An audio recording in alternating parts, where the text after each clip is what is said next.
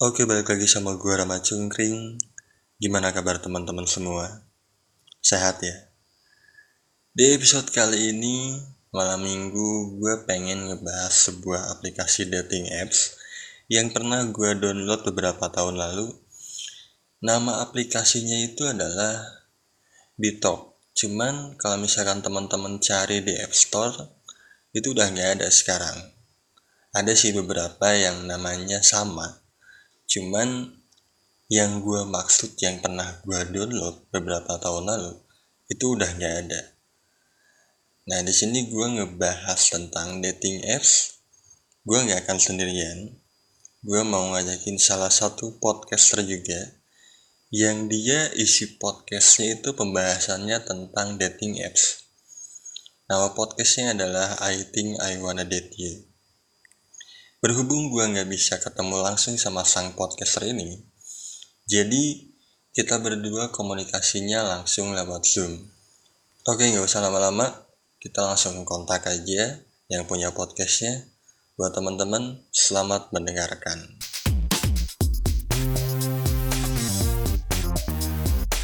Oke, gue udah terhubung sama Mbak Ida nih dari podcast yang ngebahas dating apps. Jadi gue pengen ngebahas tentang dating apps juga nih. Kebetulan gue juga emang sejak 2016, Mbak. Hmm. Bener-bener aktif. Cuman kalau gue waktu itu aktifnya di aplikasi yang namanya Bitalk. Mbak tahu nggak? Ya, Tahu ya? Nah, yang iya dong. yang cukup membedakan buat gue nih, yang menariknya di Bitalk itu, itu kita bisa bikin grup, grup Hmm. chat. Hmm. Beda sama aplikasi yang lain. Hmm. Iya kan, sepengetahuan gue tuh yang lain tuh cuman swipe kiri swipe kanan terus chat doang gitu. Ya. Nah, si Bill Talk ini yang bikin gue menarik dan bikin betah di sana, gue bisa ketemu lebih banyak orang dengan adanya grup itu. Hmm. Nah, Mbak eh ngebahas karena ngebahas tentang dating apps ya. Ngelihat Hmm. podcastnya, dengerin podcastnya juga. Apa sih yang bikin Mbak tertarik terhadap dating apps gitu? Oke. Sebetulnya kalau boleh cerita sedikit, sejak 2013 tuh tahu dating apps dari kampus karena waktu itu sempat ada seminar atau semacam workshop gitu yang mendatangkan si Christian Biono kan karena dia dari stipe.com. Oke. .com cuman berbasis website jadi belum ada belum ada berbasis ini aplikasi di HP. Lalu dari situ gue cobain, gue buka dan ternyata harus eh, mengisi beberapa pertanyaan. Kayaknya kalau nggak salah 100 waktu itu 100 pertanyaan soal karakter si user setipe.com. Oh, gue tahu tuh namanya tuh lu. Iya iya pernah nyobain gue. Hmm, jadi baru akan dikasih match-nya sama algoritma dia dari dari uh, uh, websitenya. Jadi kita nggak bisa milih, nggak nggak swipe right, nggak swipe left gitu. Jadi bisa aja preferensi yang kita pilih itu akan membuat kita lama dikasih match sama si algoritma, bisa juga cepet gitu. Jadi bisa juga seminggu nggak dapet match, bisa juga sehari bisa dua kayak gitu. Jadi Iya gue emang bukan ini sih, bukan milih. Iya gue tahu tuh, tahu pernah download gue pernah nyobain tuh. Itu dipilih sama Mm-mm. sistem kan? Ya, nah mulai dari situ eh, akhirnya tahu Tinder, tahu OkCupid, tahu Bumble dan lain-lain dating app lain dan pakai juga. Ya udah, akhirnya karena waktu itu senang ngobrol, senang ketemu teman baru, even misalkan gue di kampus juga punya banyak teman, tapi merasa kalau ketemu orang baru tuh punya punya tantangan sendiri untuk apa ya, mungkin bisa belajar mengatasi nervous kalau orang baru, terus ngelatih komunikasi juga gitu. Dan akhirnya di 2016 aktif lagi, lebih aktif gitu untuk ketemu dan segala macam. Sampai akhirnya pas gue studi lanjutan S2, ambil cultural studies dan gue sempat nulis eh, penelitian soal dating apps juga sama dua teman gue. Wah, Gitu deh. keren keren keren keren. Seberapa sering sih ketemu sama orang-orang di sana? Hmm, kalau sejak 2013 mungkin gue udah lupa ya.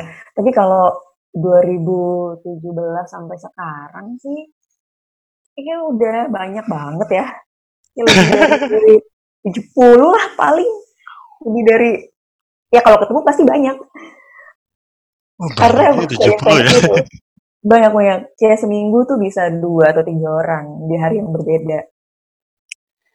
Dan Mbak tuh maksudnya gini, eh kebanyakan orang kan ketika nge-download dating apps ha- harapannya adalah mencari pasangan kan, Hmm. kebanyakannya. Mbak sendiri ketika ketemu mereka, ekspektasi Mbak tuh kayak gimana sih? Karena gue nggak berekspektasi lebih tinggi atau mencari pasangan, mencari kekasih atau partner hidup gitu. Jadi gue hanya em, apa ya menjalani apa yang gue temui aja. Kalau memang merasa orang ini tetap jadi temen, ya udah gue temen nonton, temen makan, temen ngobrol gitu kan. Karena basically emang gue suka pergi-pergi kalau weekend Heeh. Meskipun pas weekday itu udah udah padat jadwalnya, tapi kayak butuh sesuatu yang baru, selalu butuh sesuatu yang baru. Nah udah, Mmm, karena emang awalnya niat gue nggak untuk mencari pendamping hidup, Kak. Jadi jadi gue ya udah nggak nggak mikirin macam-macam juga. Jadi cuman sekedar mencari temen gitu ya. Iya, maksudnya kalau sefrekuensi ya syukur, kalau enggak juga cari yang lain lagi, ya gitu aja terus, gitu. Tapi pernah nggak ketemu sama orang yang ngarepin lebih gitu? Pasti ya kayaknya ya. Iya iya iya, dia beberapa kali pernah sih. Toh gue juga pernah punya pacar dari situ juga kan. Lama nggak? Lama nggak? Mmm, kalau pacarnya kalau pacarannya sih di bentar, karena waktu itu ada shit happen dan segala macem, oke akhirnya tapi masih temenan baik sampai sekarang, gitu. Wah, temenan baik setelah pacaran tuh hal yang lumayan sulit ya. Iya, tapi entah kenapa memang ya begitu, bisa dijadikan teman. Iya sih, gue juga emang tujuan awalnya kalau dulu sering ngedownload itu tuh tujuan awal untuk marketing, ngepromosiin sesuatu yang gue punya. Mhm. eh kan gue waktu dulu punya kedai kopi, gue juga pernah bahas sih. Punya kedai kopi dan gue menjadikan itu media sebagai tempat promosi gue gitu. Oke. Awalnya hanya sekedar itu. Ya ada lah ya emang chat ngobrol, cuman yang Mhm. sampai ketemu tuh jarang banget. Oh, oke. Eh, walaupun gue senang ketemu orang baru karena obrolannya random ya. Bisa Mhm. ngomongin apa aja gitu. Tapi setelah gue ngedownload eh, Bitalk, aplikasi Bitalk, ketemu lebih banyak orang dan yang gue rasain tuh jauh lebih gampang. Di situlah hidup gue rusak tuh mbak. Waduh, rusak gimana tuh? Karena si Bitalk ini kan emang ini aplik- aplikasinya sampai udah nggak ada mbak. Di App Store tuh udah dihapus. Hmm. Ya Sak- ya. saking kebanyakan kasus gara-gara aplikasi itu. Hmm. Jadi gue I kan waktu beberapa tahun lalu kan memang gue tinggalnya di Bandung. Baru setahun hampir dua tahun lah gue tinggal di Jakarta. Nah, hampir tiap hari si komunitas ini, si grup-grup ini, itu kerjaannya nongkrong, karaoke, ke klub. Yang Hmm. namanya ke, apalagi di klub kan kita kadang-kadang nggak sadar ya. Terus ada aja ribut gitu. Hmm, oke Setelah, oke. setelah sama si owner jadi cari cari tahu ini dari mana gitu kan orang-orang ini dari mana. Ya makin lama makin banyak orang tahu bahwa si aplikasi ini tuh orang-orangnya kayak gini semua gitu. Nah, gue nggak tahu sejak kapan aplikasi itu udah nggak ada di App Store. Karena gue 2017 akhir tuh udah udah dihapus tuh. Udah nggak pernah pakai lagi. Oh, ya ya ya ya. Awalnya sama emang gue lebih seneng ketemu orang baru, eh, ngobrol sama mereka, nongkrong nongkrong sama mereka gitu. Cuman emang si aplikasi Bitalk ini bikin gue lebih nge-explore, Mbak. Iya, di sana gue jauh lebih gampang gini ya, kalau misalkan ketemu orang baru gitu ya, dan ketemu orang baru tuh nggak cuma satu dua gitu. Tiap malam tuh emang banyak orang-orangnya gitu. Ketemu grup ini, grup ini gitu.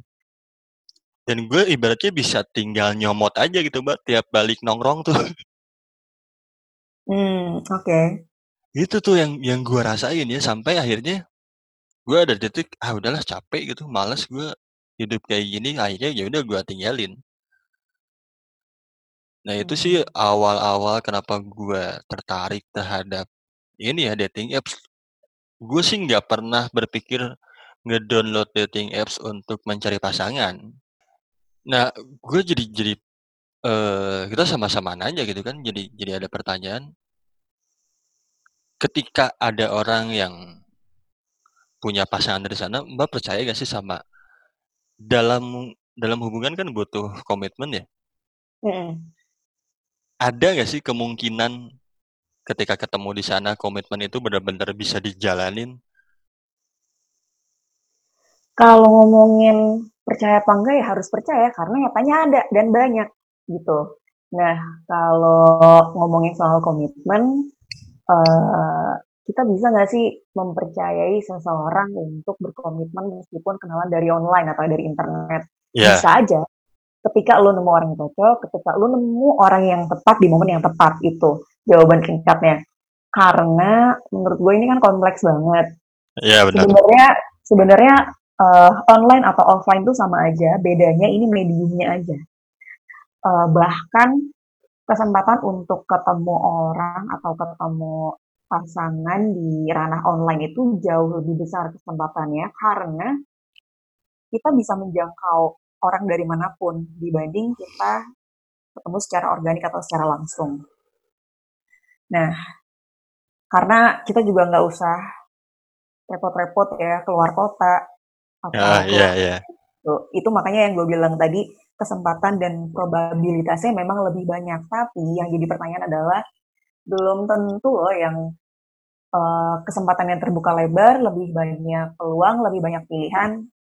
Jadi lebih mudah memutuskan. Itu belum tentu. Karena nyatanya ketika kita punya banyak pilihan ya kita juga akhirnya makin makin punya preferensi yang apa ya mungkin bisa dikatakan strict juga atau memang um, karena kita sering ketemu sama tipe model yang ABCD akhirnya oh kayaknya kalau yang ini gue enggak deh kan abis ini gue bisa ketemu uh, tipe EFG lagi gitu. Iya, iya. pas udah nyampe G ah kayaknya nih enggak ya udahlah gue lanjutin HIJ KL gitu, gitu sih kalau soal komitmen kan beda lagi ke ke pribadi orang itu kan. Maksudnya komitmen itu kan kalau menurut gue, gue percaya bahwa ada niat untuk belajar bertanggung jawab sama keputusan itu menurut gue. Jadi komitmen bisa didapatkan di mana pun mau lo punya pacar online, pacar organik, eh, pasangan hidup online atau organik juga sama aja. Wow, menarik. Dari dari penjelasan gue ingat uh, kontennya Radit ya. Hmm. Dengan kemudahan kita uh, menemukan orang baru ya. Kan kalau zaman dulu kan telepon aja susah ya. Mbak mungkin Iya. ngerasain juga kan. Ya gue Mhm. ngerasain ketika deg-degannya telepon kayak gimana gitu kan. itu mengurangi esensinya sih. Kalau dulu kan kita se seenggaknya sempat ngerasain lah ya cinta monyet gitu kan. Mhm. Nah sekarang tuh kita dengan mudah ketemu banyak orang, dengan mudah tahu karakter dia dari media sosial gitu, apa yang dia upload, itu merubah sensasinya nggak sih? Kalau ngomongin soal perkembangan teknologi yang pastinya dinamis, mau nggak mau perilaku dan habits masyarakat atau society juga ikut berubah gitu. Itu nggak bisa kita hindari, nggak bisa kita mungkiri gitu. Nah, ketika zaman telepon di warnet gitu ya, Iya, iya. dulu dulu pakai flexi lah kalau misalnya orang Bener, bener. ya kan. ya, kalau pakai telepon umum itu memang ada sensasinya, sensasi misalnya, aduh ini yang ngangkat bokapnya enggak nih? Iya, bener, Yang bener. bokapnya bukan gitu kan. Terus belum kalau lo di warnet nggak bisa lama-lama karena yang antri di belakang lo banyak. Heeh.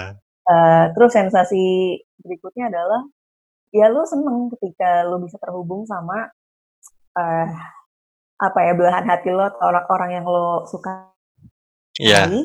lewat detik-detik yang ya udah ini waktu lo terbatas loh. Gimana caranya biar lo bisa menggunakan uh, quality time lo untuk ngobrol sesuatu gitu. Nah kalau di zaman yang dengan serba mudahnya teknologi ini menurut gue sensasi yang ditimbulkan beda kalau ngomongin sensasi pasti ada tapi dalam level dan konteks yang berbeda dong tentunya.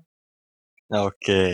Um, bisa dibilang kalau di apa ya kencan online ini variatif banget nih bentuk dan model apa ya model sensasi dan cara-cara ketemunya gitu bahkan kita tuh nggak bisa loh kita belum bisa menetapkan standar misalnya lo kenalnya baru sebulan dua bulan kok udah nikah aja udah nih amat gitu atau kayak oh gue iya. harus kenal dua tahun dulu nih harus main dia sama dia dulu ke mana-mana dulu traveling dulu biar tahu orang kayak gimana gitu nah sebenarnya formula-formula itu kan udah ada ya di kencan organik gitu yeah. bedanya bedanya ini lewat teknologi karena um, sensasi deg-degannya kalau misalnya pas kita swipe right gitu ya terus kita beneran menginginkan orang ini untuk swipe right profil kita juga terus tiba-tiba match terus kayak wah anjir match nih ya udah. Iya iya.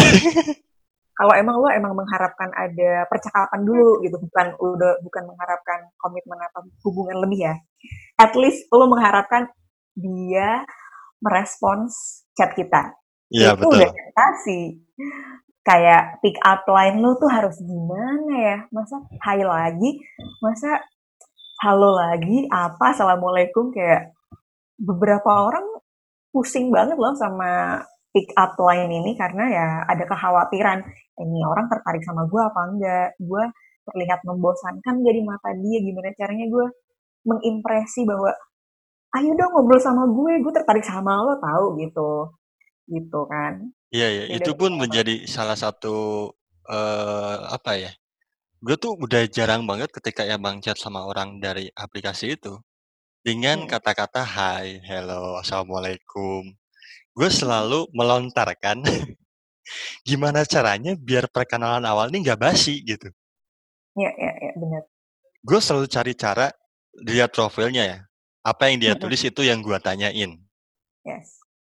Nah, ketika agak bingung, kalau misalkan profilnya kosong. Nah, itu dia yang akhirnya um, bobot profil di don eh, di online dating itu tergantung foto dan foto dan bio atau summary profile. Iya. Yeah. Gitu. Karena ini akan ngelit kita ke conversation berikutnya meskipun belum tentu dibalas ya. Maksudnya at least itu memudahkan kita untuk mengawali percakapan. Bahkan ada yang pakai password kayak passwordnya gitu atau kayak Iya iya betul. Ada aja yang iseng gitu ya. ada yang pakai pantun kayak main gila lu berani banget terus kalau lu garing terus dicuekin kan malunya berkali-kali lipat. Iya, iya. Ya, ada aja yang ngelakuin dan itu berhasil gitu. Iya, gue juga dulu kayak gitu tuh. Agak basi lah. Bahkan pernah ada yang ngomong awal-awal tuh, bilang kan, "Hai, basi banget sih ngajak kenalannya," gitu. Oh, dia bilang gitu? Iya. Wow. Makanya dari situ gue, gimana caranya gue cari cari celah biar nggak dibilang basi cara kenalannya. Hmm.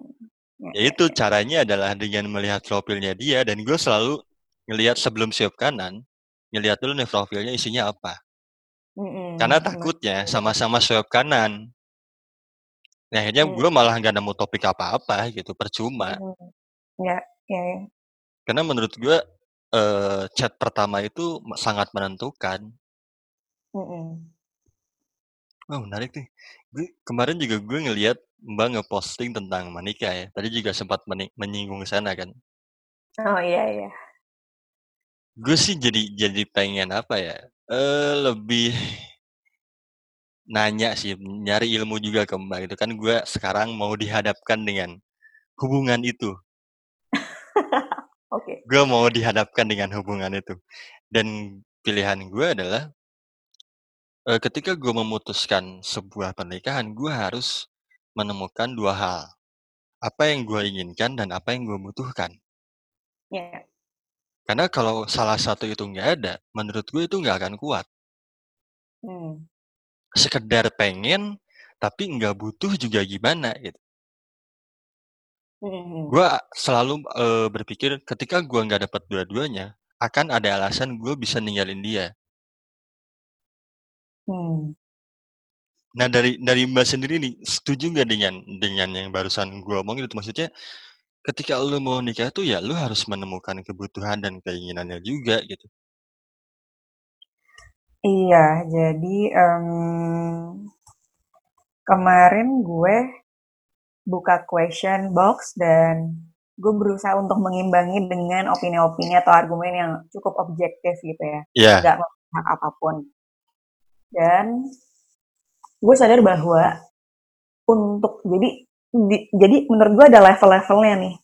Di level pertama, lo harus memahami bahwa kebahagiaan lo tidak bergantung pada siapa pun dan pada orang lain. Setuju. Itu satu dulu. Iya. Yeah. Ketika udah percaya di level pertama ini, and then kita udah masuk ke level kedua.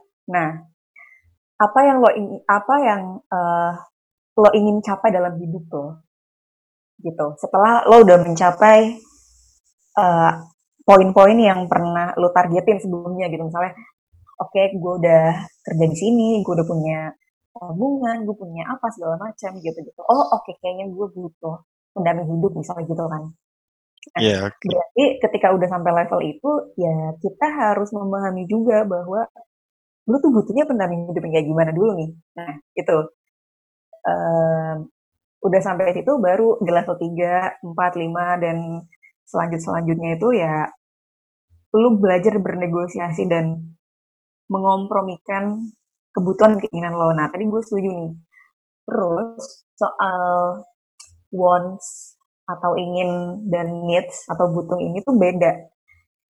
Karena menurut gue ketika lu menginginkan sesuatu, contohnya lu tuh sebenarnya butuhnya butuh laptop gitu ya. Yeah. Lu butuh laptop buat kerja. Terus kerjaan lu tuh nggak menuntut macam-macam. Lu nggak menuntut untuk punya space yang gede banget. Ya, lu cuman pakai Microsoft aja deh, Microsoft PowerPoint, Word, Excel dan segala macam gitu kan, sama internet. Nah, lu cuma butuh laptop, tapi lu pengen banget beli um, Mac misalnya, yang harganya mungkin lebih dari 20 juta. Iya, padahal, okay. padahal lu dengan punya laptop Lenovo, dengan lap, punya laptop Toshiba tuh udah cukup gitu misalnya. Ah, ah, ah. harganya di bawah itu. Dan lu bisa puas dan bahagia dengan kualitas laptop yang lo miliki. Gitu. Jadi menurut gue, merek ini gue definisikan sebagai keinginan. ya yang imajinatif menurut gue. Karena sebetulnya secara fungsi lo udah cukup terpenuhi dengan merek-merek yang jauh lebih terjangkau dari Mac misalnya gitu. Dan mungkin kayak pasangan hidup ya. Ada beberapa orang yang percaya bahwa ehm, gue butuh orang yang sefrekuensi. Oke. Okay. Begitu datang orang yang sefrekuensi, kita kadang denial kayak, duh tapi dia ini sih kerjanya ini deh gue. Iya iya iya. Gitu. Nah, dulu katanya butuh yang sefrekuensi gitu kan. Uh -uh. Terus ada lagi, duh gue kayaknya maunya orang Jawa aja deh. Soalnya nyokap bokap gue nggak mau kalau selain orang Jawa misalnya. Begitu ketemu orang Jawa, terus lo masih kayak, aduh tapi dia tuh humornya nggak nyambung sama gue ntar gimana seumur hidup nggak bisa ngobrolin humor atau nggak sama arahnya. Iya yeah, iya. Yeah. Ya lu akhirnya uh, tereliminasi lagi tuh. Uh -uh. Gitu kan. Makanya hmm, soal marriage ini menurut gue apa ya udah udah harus lebih dewasa dalam mikir sesuatunya ke depan dan segala macam bahwa semua semua uh, semua hal buruk mungkin akan terjadi. Nah, tergantung bagaimana kita merespons dan bereaksi atas hal buruk tersebut. Apakah ketika problem-problem itu datang ke kita dan pasangan, kita bisa handle kayak gimana nih dealing with problemnya pakai cara yang kayak gimana itu kan sebenarnya yang dicari yeah. kan Makanya tadi orang-orang banyak yang uh, pengen, oh iya gue pengennya punya partner hidup yang sefrekuensi, terus searah, terus yang visi misinya sama, ya itu. Karena how to handle the problem itu aduh big deal banget lah untuk uh, hidup bersama ya. Apalagi lu lu hidup bersama bertahun-tahun sampai akhir hayat gitu ya. Maksudnya misalnya kayak lagi pandemi gini nih lu di kosan sama temen lo gitu atau ngontrak sama temen lo berdua tiga lu nggak bisa ke mana-mana tiap hari sama mereka terus. Lu akan tetap butuh waktu untuk sendiri lu akan tetap butuh waktu untuk jaga jarak dari mereka karena uh -uh. padahal lu nggak punya masalah sama mereka gitu kan. Tapi uh, lu punya lu punya boundaries dan ruang pribadi untuk diri lo gitu sih. Kayak ya dealing dealing with it aja. Sebenarnya itu ya Iya sama, gue juga menganalogikannya dengan dengan sebuah kebutuhan barang dan keinginan punya barang gitu sama. Mm-mm, ya meskipun gue tidak bermaksud untuk mendiskreditkan uh, nilai barang dan manusia itu sama. Iya iya, analogi analogi aja, gitu analogi kan. aja. bener bener bener. Iya karena yang gue pikirkan tuh itu gitu. Kadang-kadang gue oke okay nih gue kebutuhannya adalah menikah karena ya udah gue ngerasa udah udah ngapain lagi sih gitu. Gue hmm. berpikir tuh, gue mau nyari apa lagi sih? Sampai kemarin ketika gue ngobrol sama yang udah dianggap sebagai kakak, lu mau nyari apaan lagi sih gitu? Lu mau nyobain yang kayak gimana lagi sih? Gitu. Ya, ya. Ya udah ketika lu udah ketemu, ibaratnya dia sampai ngomong kayak gini, lu nyobain udah nikah aja dulu gitu. Hmm. Saking dia tuh udah bosan ngelihat gue mencolok sini mencolok sana gitu. Hmm, ya, ya. Dan akhirnya ya kebetulan, sangat kebetulan gitu ya, gue menemukan orang yang oke okay, keinginan gue ada di lu dan kebutuhan gue ada di lu gitu. Iya, iya benar-benar. Dan gue percaya bahwa apa ya, banyak orang yang lebih memilih akhirnya mencari pendamping hidup yang care sama kita, yang deket sama kita, yang ada bukan yang terbaik gitu. Mungkin jodoh lo yang terbaik tuh ada, cuman nggak tahu di mana gitu kan. Yeah. Sementara cewek yang selama ini care sama lo, deket sama lo, keep in touch, keep keep kontak sama lo ya si cewek ini ya udah yang dekat gitu maksudnya. Kalau kita mau cari yang terbaik ya ada, cuman ya nggak tahu kapan dan di mananya itu itu kan. Iya bener. Bahkan gue pernah bilang kalau misalkan gue terus-terusan nyari yang lebih baik, suatu saat juga gue akan ninggalin lu gitu. Hmm, ya. Karena gue akan menemukan yang lebih baik daripada lu gitu. Iya, benar. Dengan kekurangan dan kelebihannya masing-masing gitu. Hmm. Ketika kita terus-terusan nyari yang lebih baik, kekurangan tuh emang bener-bener selalu menjadi kendala yang akhirnya kita tuh mau nggak mau harus tetap menerima kekurangan itu kan. Mm -mm, menoleransi. Iya, toleransi ya itu adalah Eh, apa ya? Banyak gak sih orang-orang yang terjebak di situ? Um, kalau menurut gue pasti ada aja ya, even dia udah menikah bertahun-tahun dan dia tidak merasa lagi dengan pernikahannya atau dia merasa wah gawat nih gue salah jalan, tapi udah lima tahun, ada yang begitu juga.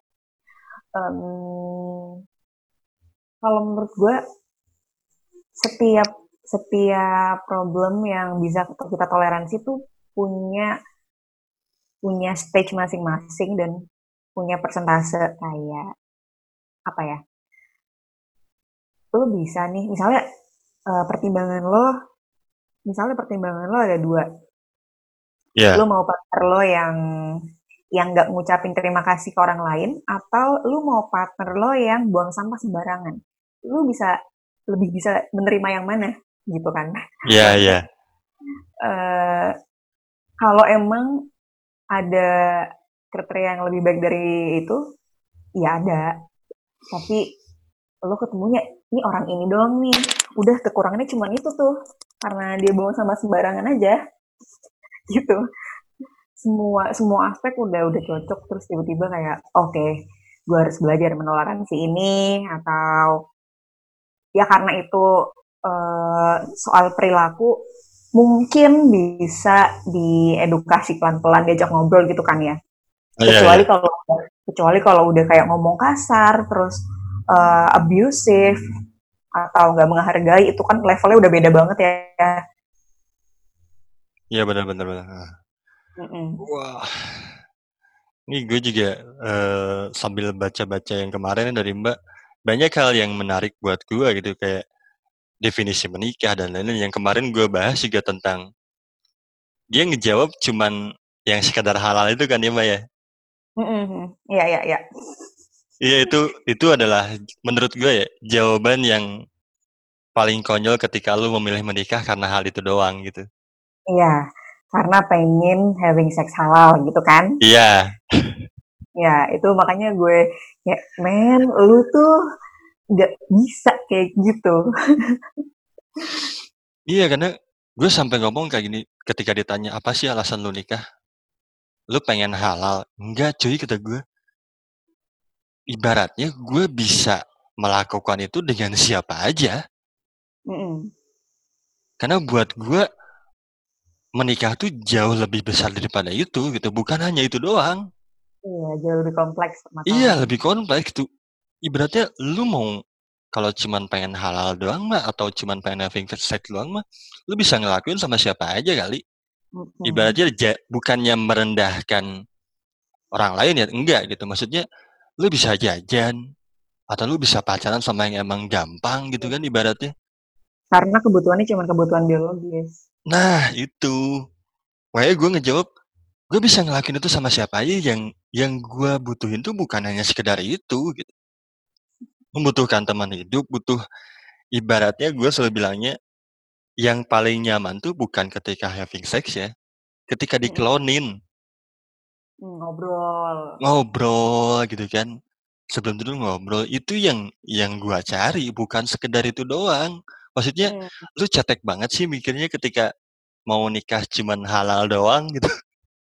Iya, iya. Yang dibutuhkan setiap orang tuh intimasi. Dan intimasi ini terdiri atas itu tadi komunikasi yang baik, terus perhatian yang cukup, kasih sayang yang diberikan dalam bentuk apa pun, kayak bentuk-bentuk uh, act of love-nya kan ada yang dengan kata-kata, ada yang dengan um, ngasih sesuatu, ngasih kado, itu kan banyak macamnya ya. Itu namanya yeah. Kalau untuk hubungan seks itu kan salah satu poin dalam intimasi gitu, tapi bukan yang utama gitu. Kalau misalnya having sex doang tapi lu habis itu disuruh naik ojek online pulangnya sih ya bayar aja. iya iya iya. Iya karena gue juga waktu pas dulu ngeliat teman-teman gue dari lingkungan gue ketika di dating apps tuh yang mereka cari tuh itu gitu. Mm-hmm. Rata-rata gue kenal orang-orangnya kayak gitu yang emang tiap hari kerjaannya uh, karaoke, pulang karaoke nggak pernah sadar, ada yang dibungkus lah tiba-tiba ke kosan, ini sama siapa lagi ke kosan gitu kan. Iya, iya. Dan jadi gue mikirnya apa ya kayak oh kebutuhan lu cuma di situ doang ya gitu. Lu temenan sama mereka cuma nyari itu doang gitu. Tapi mungkin um, kalau gue berpikir bahwa sah-sah aja kalau user online dating ini tujuannya untuk ons, untuk FWB atau hookup or something gitu yang yang no string attached gitu.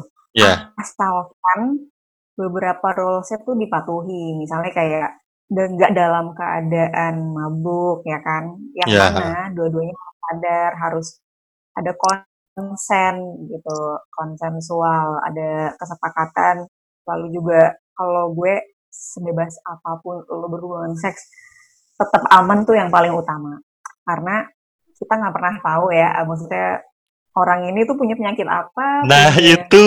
riwayat apa gitu ya. Kalau ya kalau hamil nggak direncanakan lo bisa minum pil bisa apa segala macam atau ada ada lembaga yang mungkin bisa membantu lo gitu kan. Iya. Yeah. Nah, meskipun itu berat juga trauma psikisnya untuk si perempuan, tapi maksud gue, menurut gue sih penyakit kelamin itu udah apa ya momok momok terberat. Dalam Iya hidup betul betul betul. itu. Kayak selain kanker dunia kelamin tuh udah deh. Ya makanya gue kemarin kan di akhirnya ngomong selama lu bisa bertanggung jawab dengan semua resikonya ya silakan gitu kan. Iya bener-bener kayak kalau lo mau kayak gitu terus bertahun-tahun ya terserah lo, tapi memang risiko dan tanggung jawabnya memang lebih besar, lebih lebih ribet, ya terima aja gitu kan.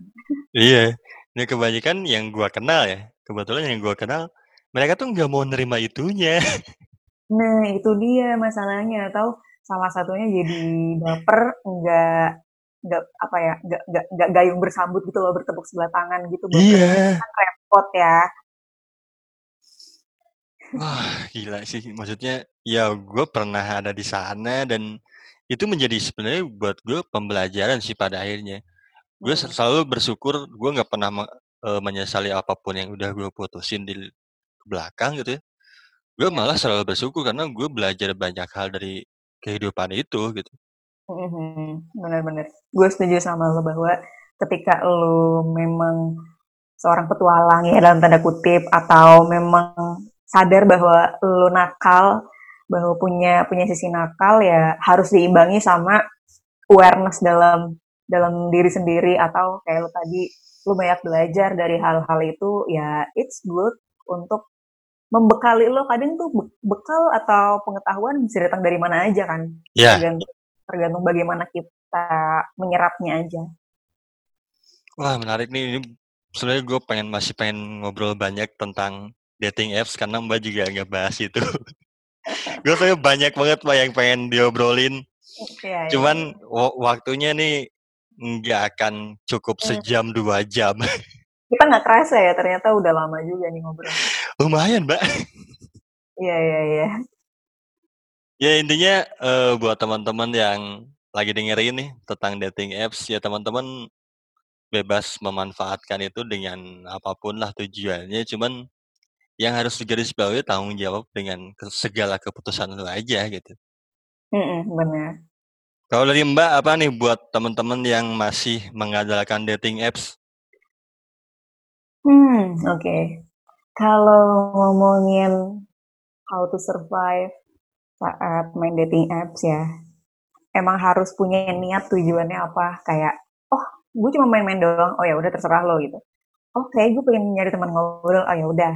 Atau oh kayaknya gue pengen punya pasangan hidup dari sini ya udah lakukanlah dengan serius sesuai niat lo gitu. Ketika lo Ya. main-main doang terus lo di ghosting ya kenapa lo harus marah gitu kan? Gitu. Lalu yang kedua eh ekspektasi boleh tapi harus tahu konteks dan jangan terlalu cepat menganggap apa ya perhatian-perhatian kecil dari stranger sebuah sesuatu yang serius banget gitu. Ya anggap aja itu emang platform untuk kencan. Jadi ya kalau lu diberi apa ya kalimat-kalimat yang manis ya memang cukup wajar. Karena kan akhirnya saling mengimpress ya satu sama lain gitu kan. Biar tertarik gimana gitu. Terus yang berikutnya adalah apa pun tujuannya selalu bertanggung jawab sama diri sendiri gitu. Ya. dan kalaupun kalaupun lo berusaha untuk berbuat sesuatu yang di luar nalar atau aneh-aneh ya bilang aja ke partner lo dan tanya lah maksudnya dia mau nggak untuk menerima kalau gue tuh butuhnya ini, kalau gue butuhnya ini gitu. Misalnya nggak pengen jenjang yang lebih lanjut, ya ngomong aja gitu. Iya, Jadi betul betul. biar biar nggak salah paham gitu dan dating eh, online dating itu sama kayak offline sama kayak ketemu langsung. Yang pasti lo harus siap dengan semua apa ya risiko lah gitu. Wah, thank you banget nih buat teman-teman. Kalau misalkan pengen tahu lebih banyak dating apps nih, tips dan triknya, wes. Bisa dengerin podcastnya Mbak Ida. I wanna, eh apa Mbak? Duh ribet gue bahasa Inggris nih. Eh, podcastnya di I think I wanna date you. Nah itu. Thank you banget Mbak udah mau ngobrol-ngobrol di podcast gua, udah mau Mhm. meluangkan waktu, membuang waktu. Loh enggak, sama-sama. Gue juga yang makasih lo udah diajak ke taman. Ya paling terakhir dari gue seperti biasa teman-teman boleh setuju ataupun enggak dengan apa pun pendapat kita berdua. Ya. Terakhir dari gue dan Mbak Ida, bahagia sendiri buat apa? Rasa sendiri itu kan gak nyaman. Gua Rama Cungkring dan Mbak Ida pamit undur diri.